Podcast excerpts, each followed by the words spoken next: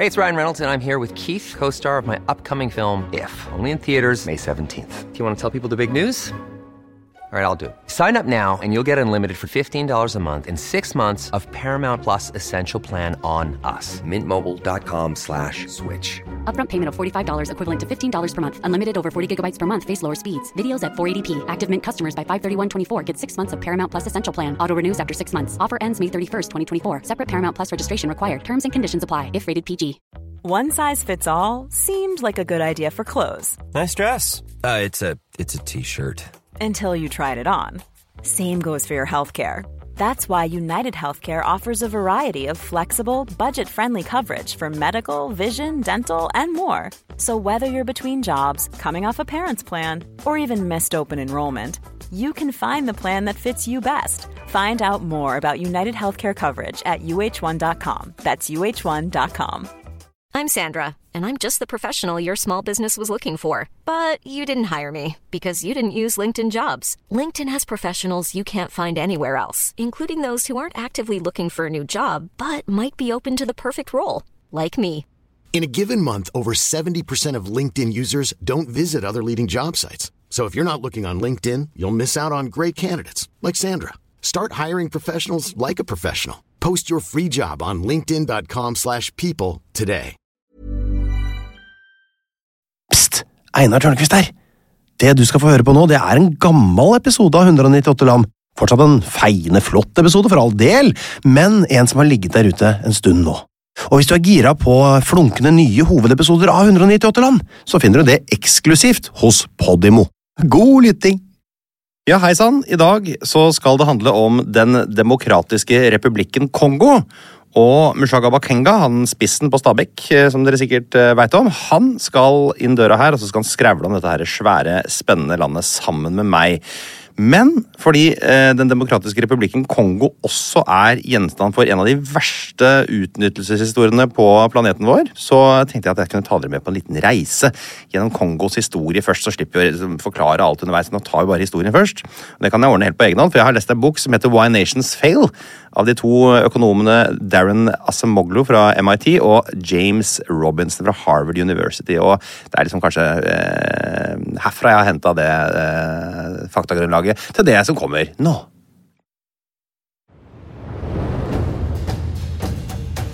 Vi begynner i 1392, for da samles altså Kongo for første gang under én konge. Kongeriket Kongo er herved etablert. Og Kongeriket Kongo var samla under et relativt avansert statsapparat med lover og regler, og ikke minst et svært, ordentlig saftig skatteregime. Og dette var da skatter av den typen som gjorde kongen rik, men som ikke tilbakeførte velferd til folket. Altså ikke den type skatter vi eh, måte er mest glad i. Pengene de gikk rett i kongens bukselomme, og han eh, brukte de til dels på seg sjøl, og til dels på å finansiere en hær som kunne hjelpe ham med å holde på makta, sånn at han kunne få mer penger som han kunne beholde da, over en lengre periode. Og dette her, det var jo ikke noe hyggelig for folk flest, som da måtte gi fra seg nesten all inntekt til den grådige kongen. Så folk de begynte å flytte ut av byene og inn i bushen, sånn at de kunne gjemme seg for fut og fogd og bygge sine egne liv ute på landsbygda der. Men det som er litt dumt når for mange flytter ut på bygda, det er at landet blir for desentralisert. Og da klarer jo ikke landet å samle seg rundt felles prosjekter. Landet utvikler seg lite sammenligna med verden rundt. Og kort oppsummert så blei altså kongedømmet Kongo ganske kjapt bare en gjeng med selvforsynte landbrukere som ikke bidro inn til sentralmakta. Og kongen han var jo dritsur pga. det her, da. Men han hadde en fordel, og den fordelen det var at det var så mange fiendtlige stammer på alle kanter, dit hvor de kongoleserne rømte ut da, på bygda der. Og de trengte da beskyttelse mot disse stammene her. Så hvordan skulle de få seg det? Jo da, det kunne kongen tilby, da, vet du. I bytte mot skyhøye skatter og avgifter igjen, selvfølgelig, da. Så da ordna jo det seg. Men så er det jo sånn at mye vil ha mer, og fanden vil ha fler, så kongen han ga seg jo ikke der. Han ville ha enda mer penger og makt, så for å gjøre seg enda mer rik, og ja, ufrivillig ufyselig, da, så hadde kongen et triks til oppi ermet. For i alle kulturer så finnes det utskudd. Folk som er kriminelle, for eksempel, eller folk som kanskje stikker unna litt mer gryn enn det de har lov til. forståelig nok i dette tilfellet da. Eller som kanskje bare jobber litt ineffektivt, eller som kanskje bare er opposisjonelle. i det hele tatt, du vet, Folk som lager litt problemer for en konge som gjerne vil være så rik og allmektig som mulig. Så hva gjør man med sånne? Vel, å holde dem i fengsel koster penger. Å henrette dem det er jo bare noe griseri som ingen tjener noe på. Nei, så kongen han begynte å selge dem til araberne som slaver. For slaveri det er jo ikke noe europeisk oppfinnelse fra 1400-tallet, selv om man på en måte kanskje tenker det litt sånn automatisk. Nei da. I områdene rundt Det indiske hav for eksempel, så kan man spore slavehandel flere tusen år bakover i tid. Og kongene i Kongo det er jo artig litt uh, alliterasjon der, de bidro villig til dette her. Så la oss bare si det sånn at Allerede før europeerne kom, så var det litt under middels stas å være Ola og Kari kongoleser. Men så kommer altså portugiserne i 1482, og de, de er rimelig keen på å drive handel. de da. Og så har de med seg så mye spennende da, fra Europa som herskerne i Kongo er interessert i. ikke sant? Eksempel våpen. da. Det er jo noe som en konge kan nyttiggjøre seg. og du vet, skyte litt rundt seg, tviholde på makta på den måten. da. Og I bytte mot våpen så fikk portugiserne forsyne seg av de da, uheldige utvalgte kongoleserne som var best egnet til å drive litt sånn slavevirksomhet. Og Dette her ga jo mersmak for en bekymra konge. Man ble kvitt plagsomme folk, man fikk våpen til å befeste makta si ytterligere. Og godeste kong Nzinga av Nkubo, som satt fra 1470 til 1509, da, han syntes at det her var så vellykka og såpass ålreit samarbeid at han, han, gikk bort fra sitt litt vriene kongolesiske navn og så skifta han navn til kong Joao den første. Den er ikke dum. Og I samme slengen så lot den Kongo bli kristna for at samarbeidet med portugiserne skulle bli mer smidig. Så nå er det gode tider for Portugal, og noen veldig veldig få kongolesere. De har det også helt topp. Og så er det veldig mange kongolesere som ikke har det så bra. Så selv om man da regner starten av 1500-tallet som en slags gullalder for kongedømmet Kongo, som sådan, så var det fortsatt sånn at hvis du bare var en vanlig kongoleser i gata, så var du ganske blakk, og du hadde ikke noe særlig du skulle ha sagt. Det var ikke noe demokrati og sånne hyggelige ting som vi har nå. Og gjorde du ikke som kongen sa, og betalte mer eller mindre da alt overskuddet du klarte å produsere, inn til hans lommer, så brukte han stadig mer overlegen militærmakt på å fange deg og selge deg som slave i bytte mot enda mer våpen. Men med en så ekstrem maktkonsentrasjon, en så svak økonomisk utvikling, et så dalende befolkningstall og en så spredd rural populasjon som én etter én ble solgt ut som slaver til portugiserne, så ble altså kongedømmet svakere og svakere. Og selv om Kongo etter hvert forsøkte å jage portugiserne ut av landet igjen, de skjønte at dette her, oi, shit, nå får de litt mye makt her, så var dessverre kongedømmet Kongo etter hvert så svakt organisert at portugiserne i 1655 tok over hele driten. Og hvilke reformer innførte så våre portugisiske venner? Tipper dere, da. Kan du sette på pause og tenke litt på det? Nei, de eh, innførte rett og slett bare at eh, pengene som tidligere ble stappa i lommene på kongen, de ble nå stappa i lomma på portugiserne. Ellers så bare kjørte de akkurat samme pakka som før. Never change a winning team. Så alt var ikke fryd og gammen før heller. Men la oss nå gjøre et svært hopp i tid. La oss hoppe til slutten av 1800-tallet. Til snurrebarter og monokler og skranglete rare biler uten tak og det greiene der. For på denne tida så er nemlig de europeiske stormaktene i en ja, skal kalle det en slags penisstørrelsemålekonkurranse, som de selvfølgelig uansett hadde tapt mot Kongo, det vet jo alle, hvor de slåss om å bygge det mest imponerende imperiet. Og til veldig mange afrikaneres store ulykke så ble nå alle øyne retta mot dette svære, uutnytta kontinentet. Jeg sier utnytta, for på den tida her så var faktisk de europeiske stormaktene faktisk stort sett bare representert langs kysten av Afrika. Så her var det jo masse land innover å forsyne seg og det var jo selvfølgelig det også som var planen. da. Som vanlig så var det jo Portugal og Storbritannia og Frankrike og de der, der, der, der som krangla om å klore til seg mest mulig. Men stakkars lille Otto Otto von Bismarck. Han syntes at Tyskland også skulle få sin fortjente plass ved de høyvelbårne imperatorers runde bord. Så da blei det altså avholdt noe som het Berlinkonferansen i 1884 og 1885, hvor representanter fra flere riker innfant seg. Det var da Tyskland, det var Østerrike, Ungarn, Belgia, Danmark, Frankrike, Storbritannia, Italia, Nederland, Portugal, Russland, Spania, Det osmanske riket, fins ikke mer, RIP, USA og Sverige-Norge, som var eh, til stede. Og need I say, ingen afrikanske interesser eller ledere var representert ved konferansen. Og Så satte de i gang det som regnes som selve høydepunktet i det imperialistiske kappløpet om Afrika. Her er altså noen få dussin med mannfolk fra Europa som sitter og deler et kontinent seg imellom. Tenk, det skjedde faktisk. Og etter at de grådigste landene hadde forsynt seg kraftig, så sto fremdeles det sentrale Afrika igjen. Og dette her var et område som kong Leopold den annen av Belgia hadde sikla på i noen år nå. Tidligere så hadde han betalt den amerikanske journalisten Henry Morton Stanley for å reise ned på ekspedisjoner dit for å finne ut litt mer om det området, og han var strålende fornøyd med det Stanley rapporterte tilbake.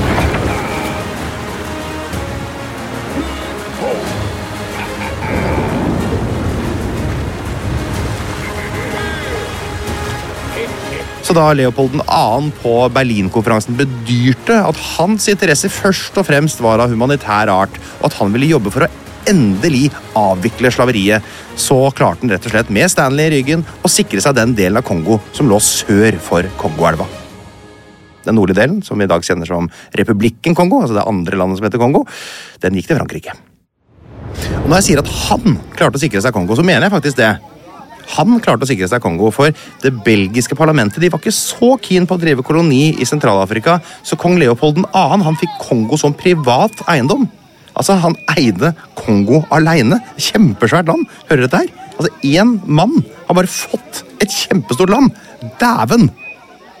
Så nå er det jo virkelig på bærtur i Kongo. Altså Leopold 2. han har nå altså, all makt, bruker den til å omstrukturere hele dette enorme riket her til å bli en maskin som gir mest mulig profitt til han personlig. Faktisk akkurat så sinnssykt var det. Og det er jo enorme ressurser i Kongo. ikke sant? Det er gull, det er kobber, elfenben.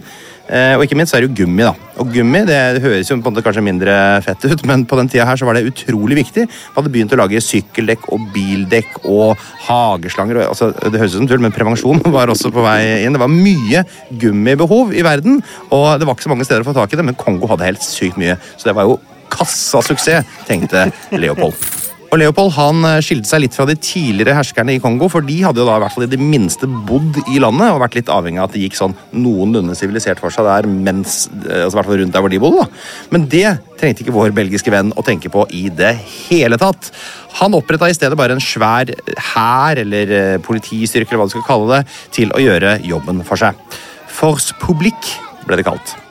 Jeg skal ikke snakke så fransk resten av episoden, det er litt ubehagelig for meg, men force public, da. Og her var det svarte soldater fra litt rundt om i Afrika som eh, da ble ledet av selvfølgelig hvite offiserer, bl.a. 200-300 fra Norge. Verdt å merke seg. Når du skal høre hva de drev med etter hvert, så kan du jo tenke litt på at det var oldefar. Og de ble da brukt til å utøve Leopolds uinnskrenkede makt. De kidnappa og drepte folk for fote, de brant ned hele landsbyer, de voldtok og piska folk. Eh, og noe av det de kanskje er mest berømt for, var at de overholdt Leopolds urimelige krav om effektiv produksjon. Hadde f.eks. en gummiproduserende kongoleser ikke klart å møte kvota, av en eller annen grunn, så kappa de hånda av på straff. Eller hun, da. Både menn og kvinner, voksne og barn, ble lemlesta i hopetall, for det fantes mange insentiver til å kappe hender av levende mennesker i Kongo under kong Leopold 2. For han Leopold var såpass gjerrig og ville spare penger på alt, og er det noe som er dyrt, så er det å drive terrorpoliti. Så når Force Public skulle drepe noen, så skulle de bruke minst mulig ammunisjon. Det sto det i regelverket. Ei kule per menneske fikk jaggu meg være nok. Så for å sikre seg da, at det ikke ble sløst med kostbar ammunisjon, så krevde Leopold kvitteringer for hver kule skutt. Og den kvitteringa skulle være nettopp en menneskehånd per kule. Og Kunne ikke soldatene levere dette, her, så ble det selv skutt av sine offiserer, som da tok kvitteringa fra dem.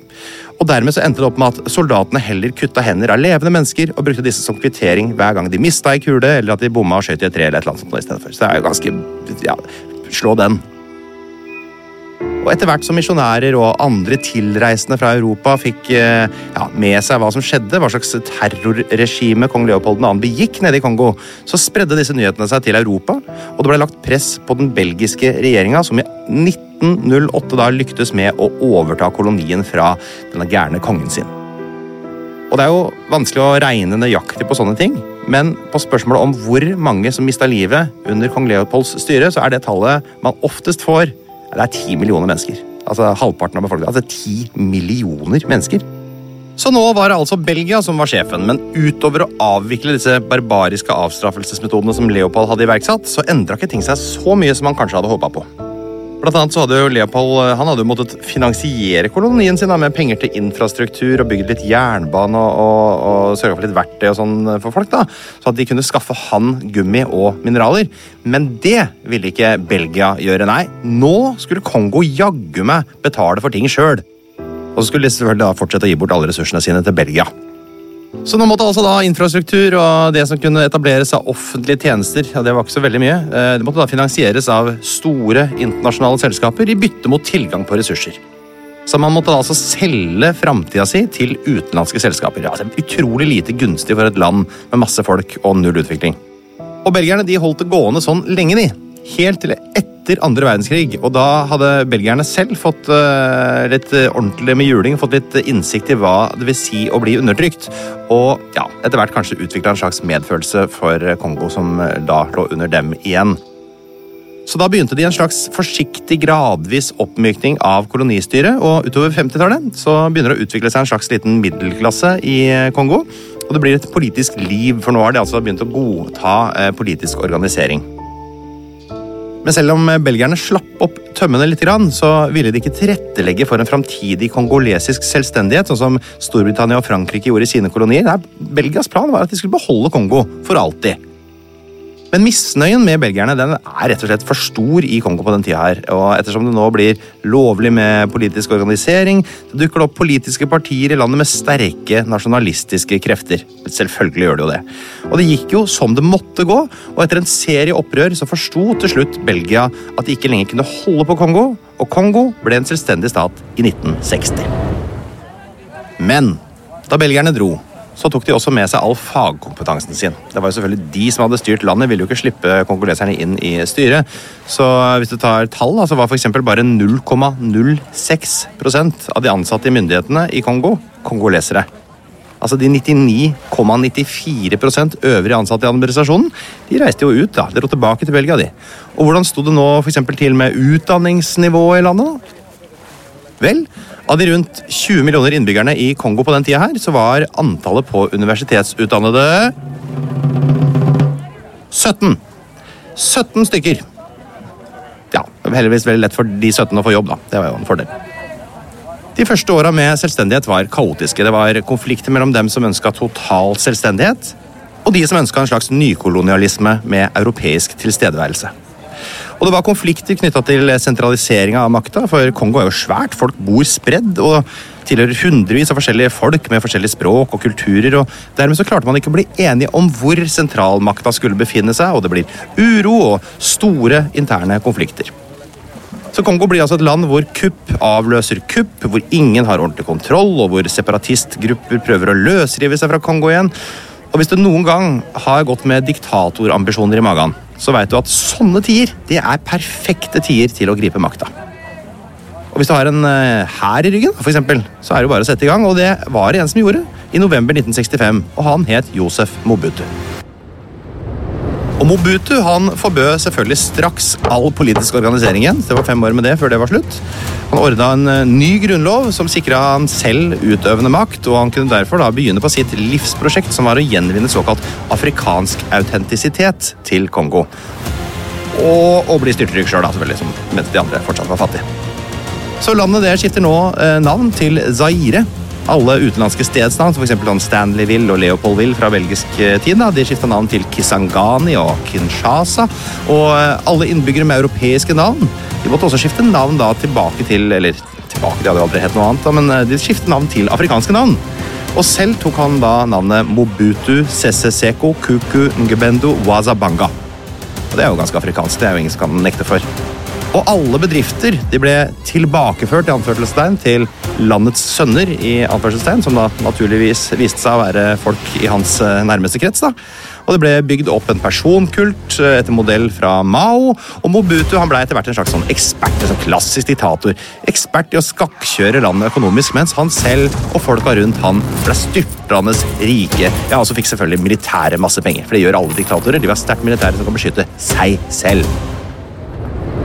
Men folket fikk ingenting, så under dekke av å tilbakeføre landet og dets interesser til det kongolesiske folket, så videreførte den egentlig bare utarmingsmaskinen som allerede sto der, til å gi makt og penger til seg sjøl. Og pga. vannstyret så ville jo ingen lenger investere i Zaire, altså Kongo. Fattigdom og sult det bredte om seg. Kobber, som jo hadde vært en svær inntektskilde, det falt også drastisk i pris, og inntektene stupte ytterligere. Og i 1979 så var Zaires kjøpekraft 4% av det den var i 1960. Det er ganske brått fall, vil jeg si. Så ille ble økonomien etter hvert at Zaire begynte å trygle gamle kolonimakter om å komme tilbake og etablere litt business der. Men den økonomiske kollapsen var ikke til å unngå, og bare mellom 1990 og 2000 så halverte bruttonasjonalproduktet per capita seg, og hyperinflasjonen gjør valutaen da nesten helt verdiløs. Altså, det var så mange nuller der at det jo, gikk jo ikke an å Folk kunne jo ikke navnet på tallet engang. De som hørte Rwanda-episodene, de husker kanskje også at etterspillet etter folkemordet på tutsiene der leda til den første kongolesiske krig i 1996-1997, som endte med at diktator Mobutu ble tvunget på flukt. En flukt som ble relativt kort, ettersom han døde av kreft bare noen måneder seinere. Men Kongo gikk ikke inn i fredstid. Allerede året etter så kom den andre Kongokrigen, og den var faktisk enda mye verre. Et samfunn i total oppløsning ble nå ramma av krig mellom forskjellige opprørsgrupper i landet, som ble støtta av masse forskjellige afrikanske land fra alle kanter, som pumpa inn våpen og penger til hver sin eh, opprørsgruppe. Og det ble en ekstremt blodig krig, som tok nesten fire millioner liv før den offisielt var over i 2003. Men etterspillet og krisene som fulgte krigen i åra som kom, gjorde at man i 2010 begynte å operere med tallet 5,4 millioner døde. Det er et høyt tall, ikke sant? Dette er faktisk den største krigen siden andre verdenskrig i verden. Det er ikke så mange som veit. For man er ikke så innmari opptatt av Kongo når man er på skolen, tydeligvis. Og dette her ødela jo da dette, det lille som Kongo hadde, som faktisk fungerte. Alt var jo bare i filler. Kongo er altså et land som er overfylt av ressurser, har et helt vanvittig potensial, men som gjennom århundrer med vanstyre aldri har fått begynne på de prosjektene som kunne gjort dem til et av verdens rikeste land. Men alt håp er jo ikke ute, da. Det er fortsatt utrolig mye ressurser. Og en av dem som eh, kan litt om dette her, og en av de som faktisk var til stede under borgerkrigen, og som i dag jobber aktivt for å bedre forholdene i Kongo, det er målsniken fra Stabekk, Mushaga Bakenga, som vi skal slippe inn døra her rett etter denne nydelige nasjonalsangen.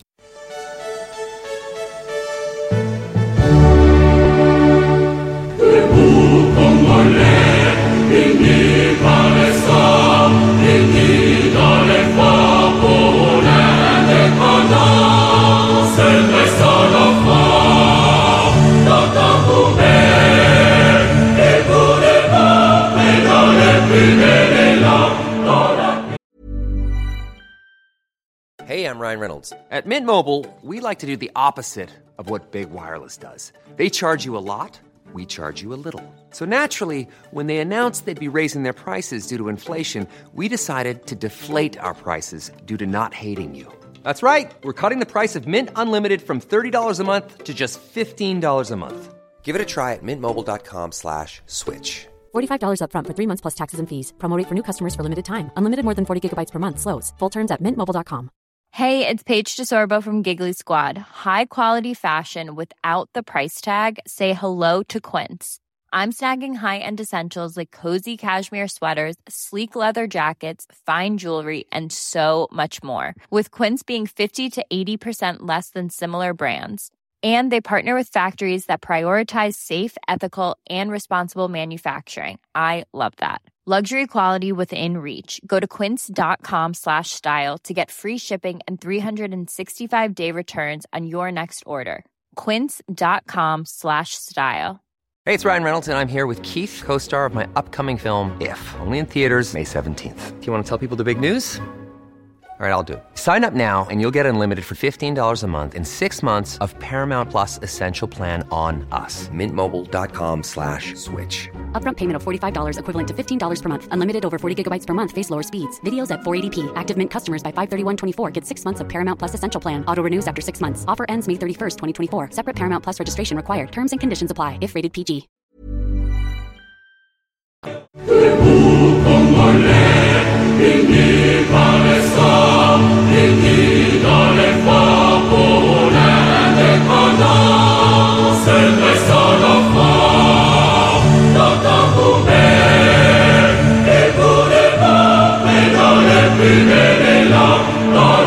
Hjertelig velkommen til meg, Mushaga Bakenga.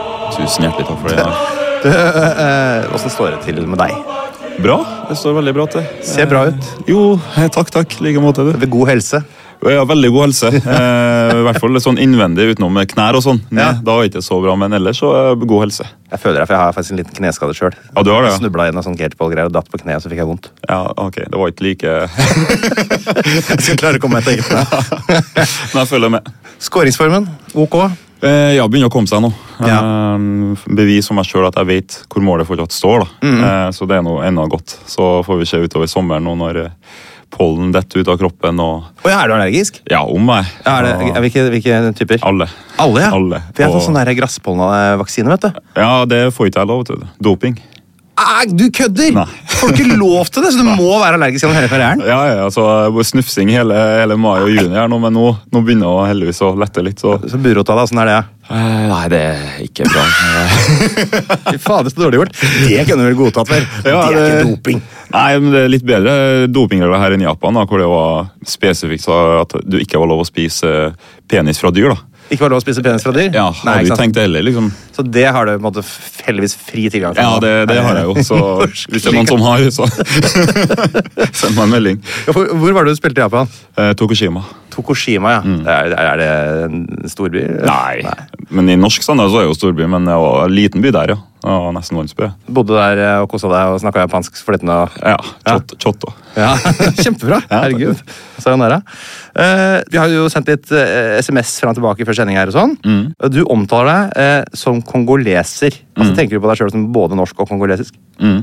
Ja. Det gjør jeg. Har du statsborgerskap? eh, Nei, begge men det er jo bare å flekke ut noen hundre dollar, så har jeg jo passe der òg, så det er ikke så farlig. Men eh, akkurat nå så er jeg veldig fornøyd med det norske passet mitt. Ja, det, er- altså, det er jo det beste av de to. Ja, det er definitivt. Reise litt rundt. Definitivt. Hvor i Kongo er det som eh, liksom, du sogner til? da? Nei, det er Bokavo, som, Bukavu. eh, Ja, som familien min er fra. da, Og egentlig der jeg har vært mest. Og det er eh, da vi skal vi østover. Ja, vi skal vel eh, sørøst, sånn som jeg har skjønt det. Nettopp. Og, og eh, det er, er det liksom, når du har vært nedover, og sånn, er det de stedene der du har besøkt, eller har du vært litt i Kinshasa? Og... Nei, jeg har kun vært de plassene da og når jeg var liten og vi drev og flykta. Så jeg Ja. fikk liksom ikke, det var ikke noen sånn guida turisttur når du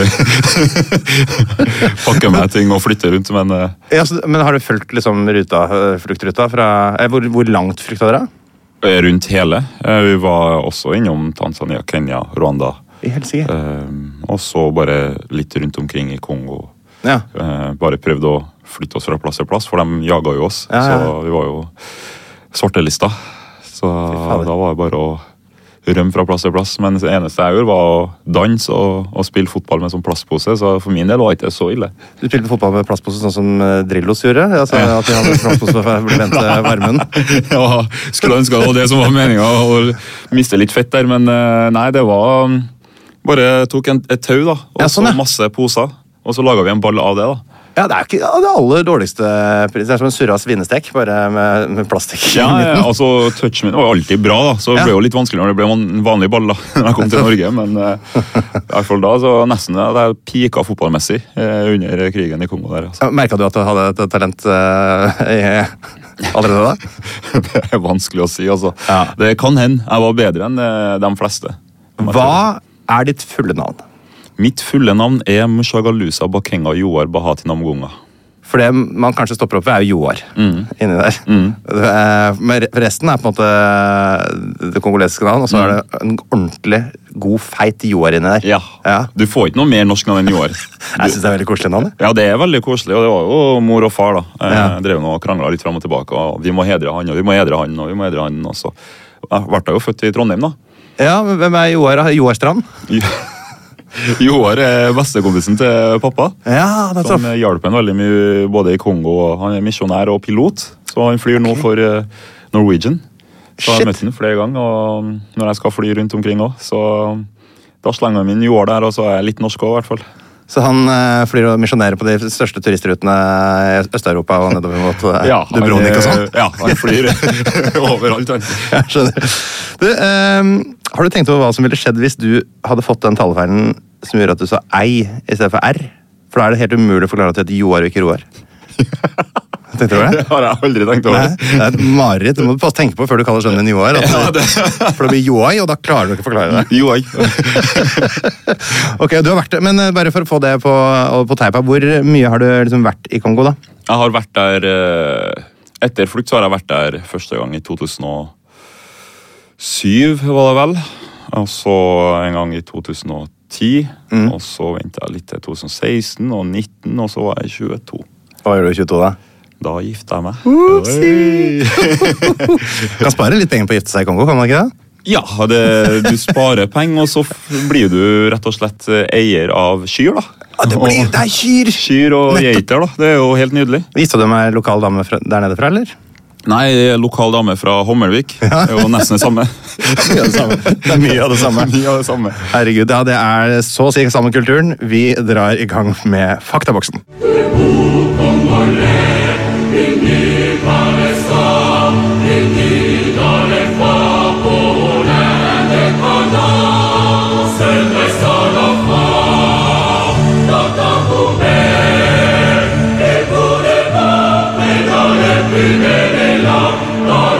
Faktaboksen eh, i år så skal vi eh, rett og slett bare gå gjennom eh, de grunnleggende tinga, som hovedstad og innbyggertall og sånne ting. Vi kan jo begynne med hovedstad, da. Mm.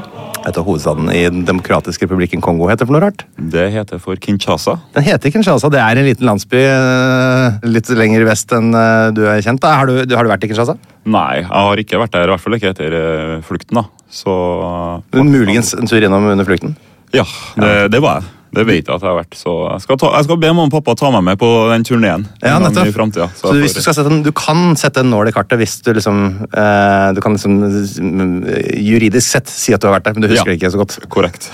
Det er en, altså en helt vanvittig stor by. 17-18 millioner eh, innbyggere. Eh, det er jo flere andre store byer der òg. Jeg regna på det. 1, 2, 3, 4, 5 sånn ordentlige millionbyer.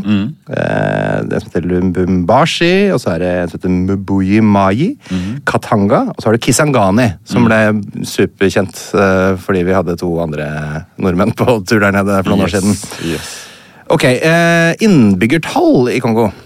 Ja, det er det, vet du. Eh, Lett, lett å regne på. Det er jo sikkert rundt 100, Mm. tipper jeg. Men det er mye mørketall der.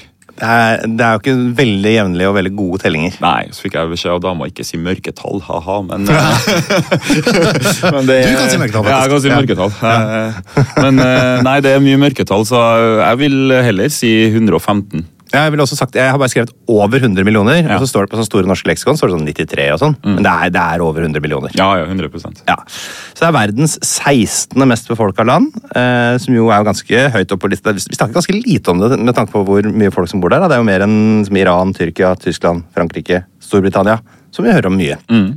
Valuta, Det er ja, bortsett fra kyr, da selvfølgelig. Så. Ja, det, Det regner ikke med. med. Nei, eh, det er vel um, kongolesiske frank, da. Ja, det er det. Mm. Kongolesiske frank, eh, rett og slett. Frang. Det deles da også opp i centim, men da, altså, da det, det trenger du ikke å dele opp. For det er, det er ganske lite verdt. Mm. Krona er svak, eh, men allikevel får du da 222 eh, kongolesiske frank for ei krone. Mm. Så eh, det er altså en relativt eh, svak valuta, men den har vært mye verre. For fra 67 til 97 så var jo myntenheten Zaire som gjaldt. Eh, Så ble da frank gjeninnført eh, i 97. Men da den ble gjeninnført, så gjorde det sånn at én sånn ny frank den var verdt da 100 000 zaire. Så hvis du hadde beholdt da zairen, så hadde man da fått 22,2 millioner zaire for ei krone. Det, da begynner å bli, begynner å bli surrete. Ja, altså Det begynner å bli bra nå, da. Ja, Gå og kjøp deg smågodt for to milliarder. Vet du hvilke land det grenser til? Ah, det er Rwanda. Ja da. Ja, Det er jo veldig, en veldig kjent grense. Ja. Ja. Og så har vi Er Togo en av dem, eller? Nei, Det er da, ikke da må du, for det er for langt vest. Det her er- bør jeg kunne, føler jeg. Ja, jeg kan det, da. Ja, f- få høre. Det det er jo det andre Kongo, selvfølgelig. Ja, ja. Det er åpenbart. Det er Li- Lish-Kongoen. Lish-Kongo, Sentralafrikansk republikk, Sør-Sudan, eh, Uganda, Burundi, Rwanda, Zambia. Angola! Faktisk, De er både på begge sider av liksom, kysten, her, for det er en liten sånn enklave utafor eh, Angolas eh, vanlige grense igjen. Ja. Og så er det da selvfølgelig den Lish-Kongoen som vi nevnte. Og, eh, men det er jo ikke grenser man skal krysse så mye, så det går veldig Nei, greit. det ikke for min del, i hvert fall. Det er jo mulig, det går an å få sånn visum bare til Øst-Kongo. Jeg vet ikke hva er det du For det er jo sånn- sånn- Virunga National Park og sånn. Kan du få ganske sånn lett sånn turistvisum til? Da kan du farte litt over grensa til Rwanda og Ja, det, det kan du. Men eh, jeg kommer fra en familie som, eh, som er- sitter litt oppi i maktregimet der. Så, det, så da det, alt ordner seg med en dollar eller to. eller litt mer. er det litt makt der, eller? Ja, jeg vil si det. Ja. Eh, I hvert fall når jeg har vært der, og det er mange tilfeller hvor det, det kommer godt med å være enten en Amogonga eller en Mokwege. da. Jeg sier det, ja. Så Ja, ja, ja, for det er selvfølgelig Er det med onkelen din sin familie sånn? Den Ja. nobelprisvinnende ja, Det er jo helt sinnssykt. Onkelen din. ja det, er- det er vilt. Så nei, det, det kommer godt med. Og, så er jeg nok litt heldigere enn andre når det gjelder å besøke ned dit. da. Ja, fy fader. Mm. Ja, Det er mitt mål, at det skal bli sånn for mine etterkommere. At de kan bare bruke mitt etternavn Ja. eh, for å komme seg inn i Vestfold, for eksempel. Da. Bare flekke opp bildet her, familiebildet. Match. Rett inn i Vestfold. Kom inn i Vestfold. Null stress. er Kongo større eller mindre enn Norge? Det er større, ja. Om det er. Det er eh, altså Norge er 385 000 kvadratkilometer. Kongo er 2 344 858 kvadratkilometer. Så er altså seks ganger så stort. Mm. Verdens ellevte største land. Svære greier. Det, det er sterkt. Det, Det det de blir ramma hardest av det der kartet, sånn feilprojiserte kartet. Ja. For det er jo akkurat midt på ekvator der. Du, Det du ser så lite ut. Ja. Og Norge ser ut som det er svære, lange Svalbard er jo helt enormt. Men det, ja, det altså Svalbard virker ganske stort hvis du prøver å gå på ski over der uansett. da. Ja, det tror jeg på. Men en liten fun fact, Jeg glemte å det akkurat på grensa. for De har jo en bitte liten kyst. 37 km med, med kyst ut mot uh, Atlanterhavet. Og så har jeg bare lyst til å nevne at der er det en bitte liten kystby, og den heter Banana. Gjør det det? Ja, Er ikke koselig? Det er veldig koselig. Spinn Banana. Ah, Se for deg bananen der, da.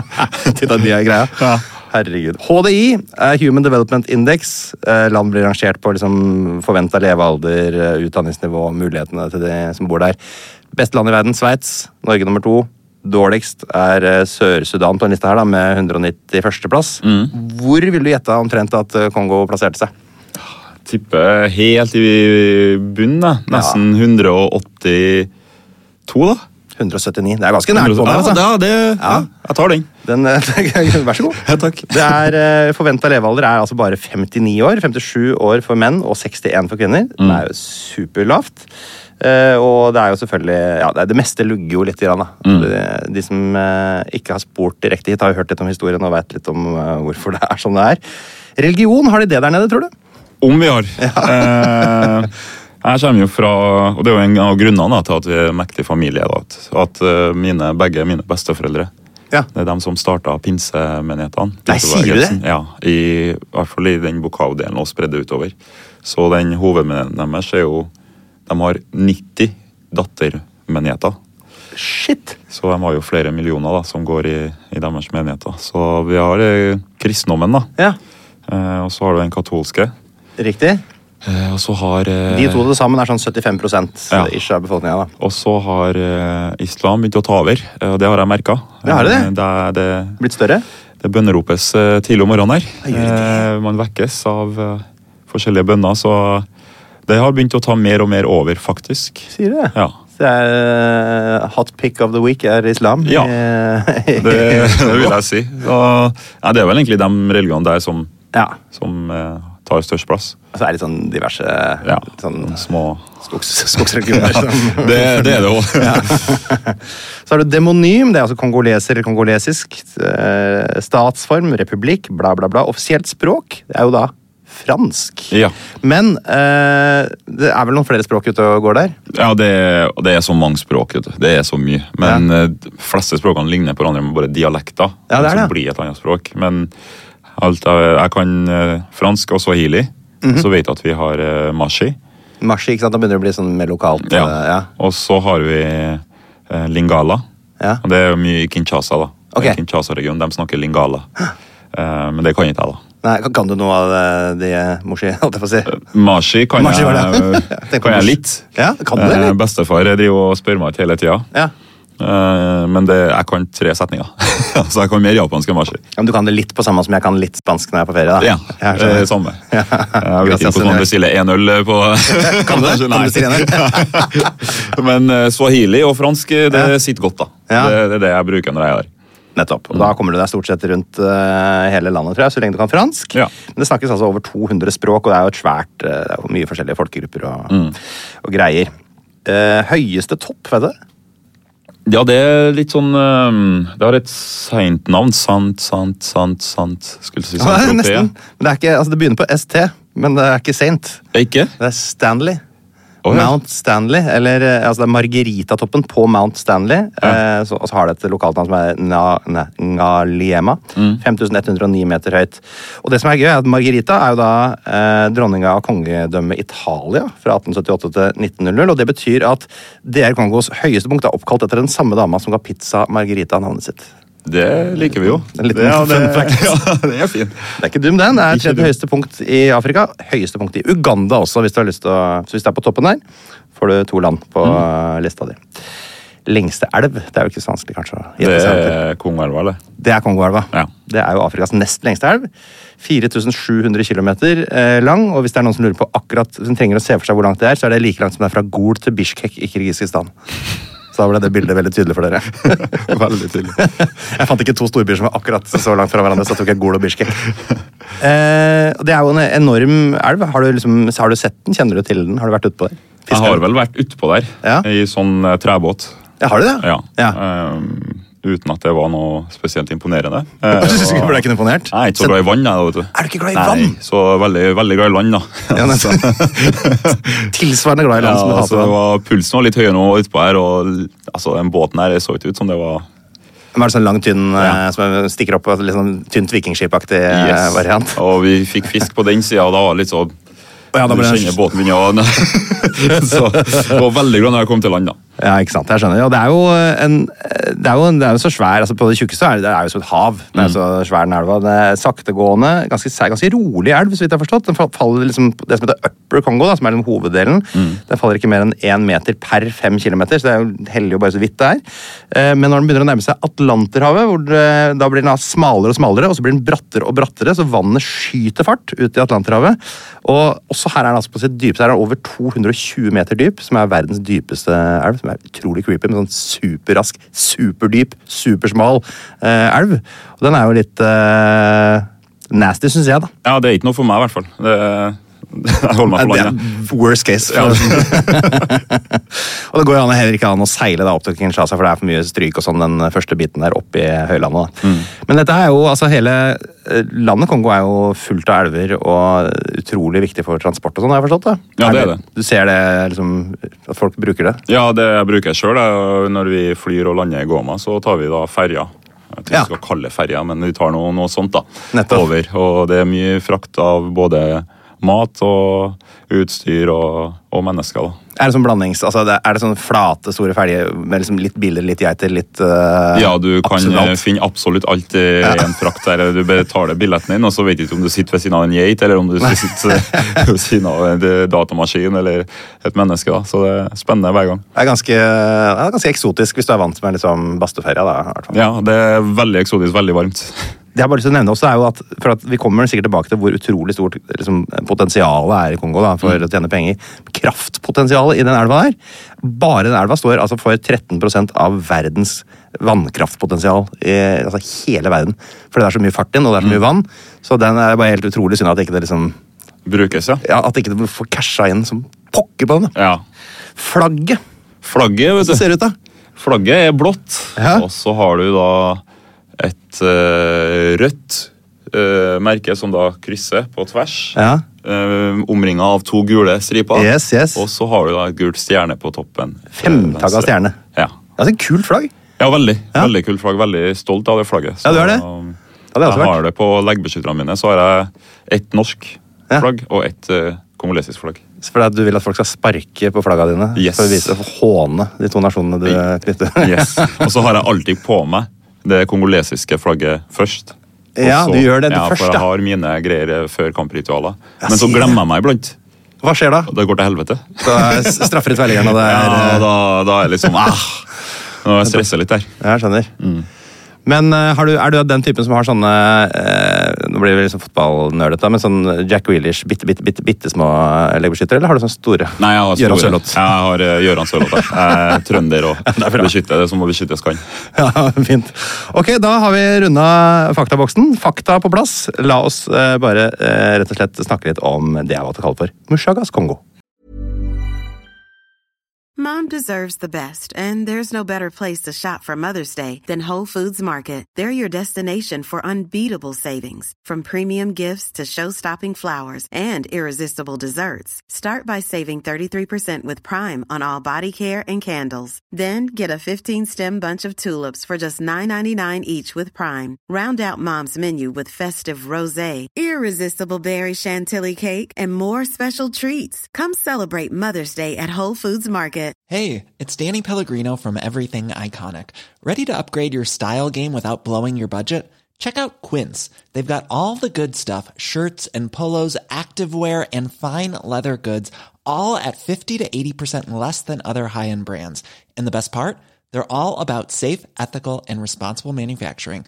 Get that luxury vibe without the luxury price tag. Hit up quince.com slash upgrade for free shipping and 365 day returns on your next order. That's quince.com slash upgrade. Hey, it's Paige DeSorbo from Giggly Squad. High quality fashion without the price tag. Say hello to Quince. I'm snagging high-end essentials like cozy cashmere sweaters, sleek leather jackets, fine jewelry, and so much more. With Quince being 50 to 80% less than similar brands. And they partner with factories that prioritize safe, ethical, and responsible manufacturing. I love that. Luxury quality within reach. Go to quince.com slash style to get free shipping and 365-day returns on your next order. quince.com slash style. Pst, det er meg, Einar Tørnquist her, han fra 198 land. Nå har jeg lagd en 198 land-app, hvor du kan uh, surre rundt på forskjellige kart og lære masse om forskjellige land, og du kan ordne og fikse, men det er også en hel haug med quizer, hvor du kan teste deg sjøl mot resten av Norges befolkning. Du kommer inn på topplister, sånn kan du se hvordan du gjør det i geografiquiz, pluss at det kommer en daglig utfordring. Dagens utfordring kan du teste deg sjøl. Vet du hva, det er en utrolig bra geografi-app. Relativt uh, lol pakke. Prøv en sånn sju dagers gratis greie. Hvis du liker den, så kan du betale litt under ei krone om dagen, så har du den for life.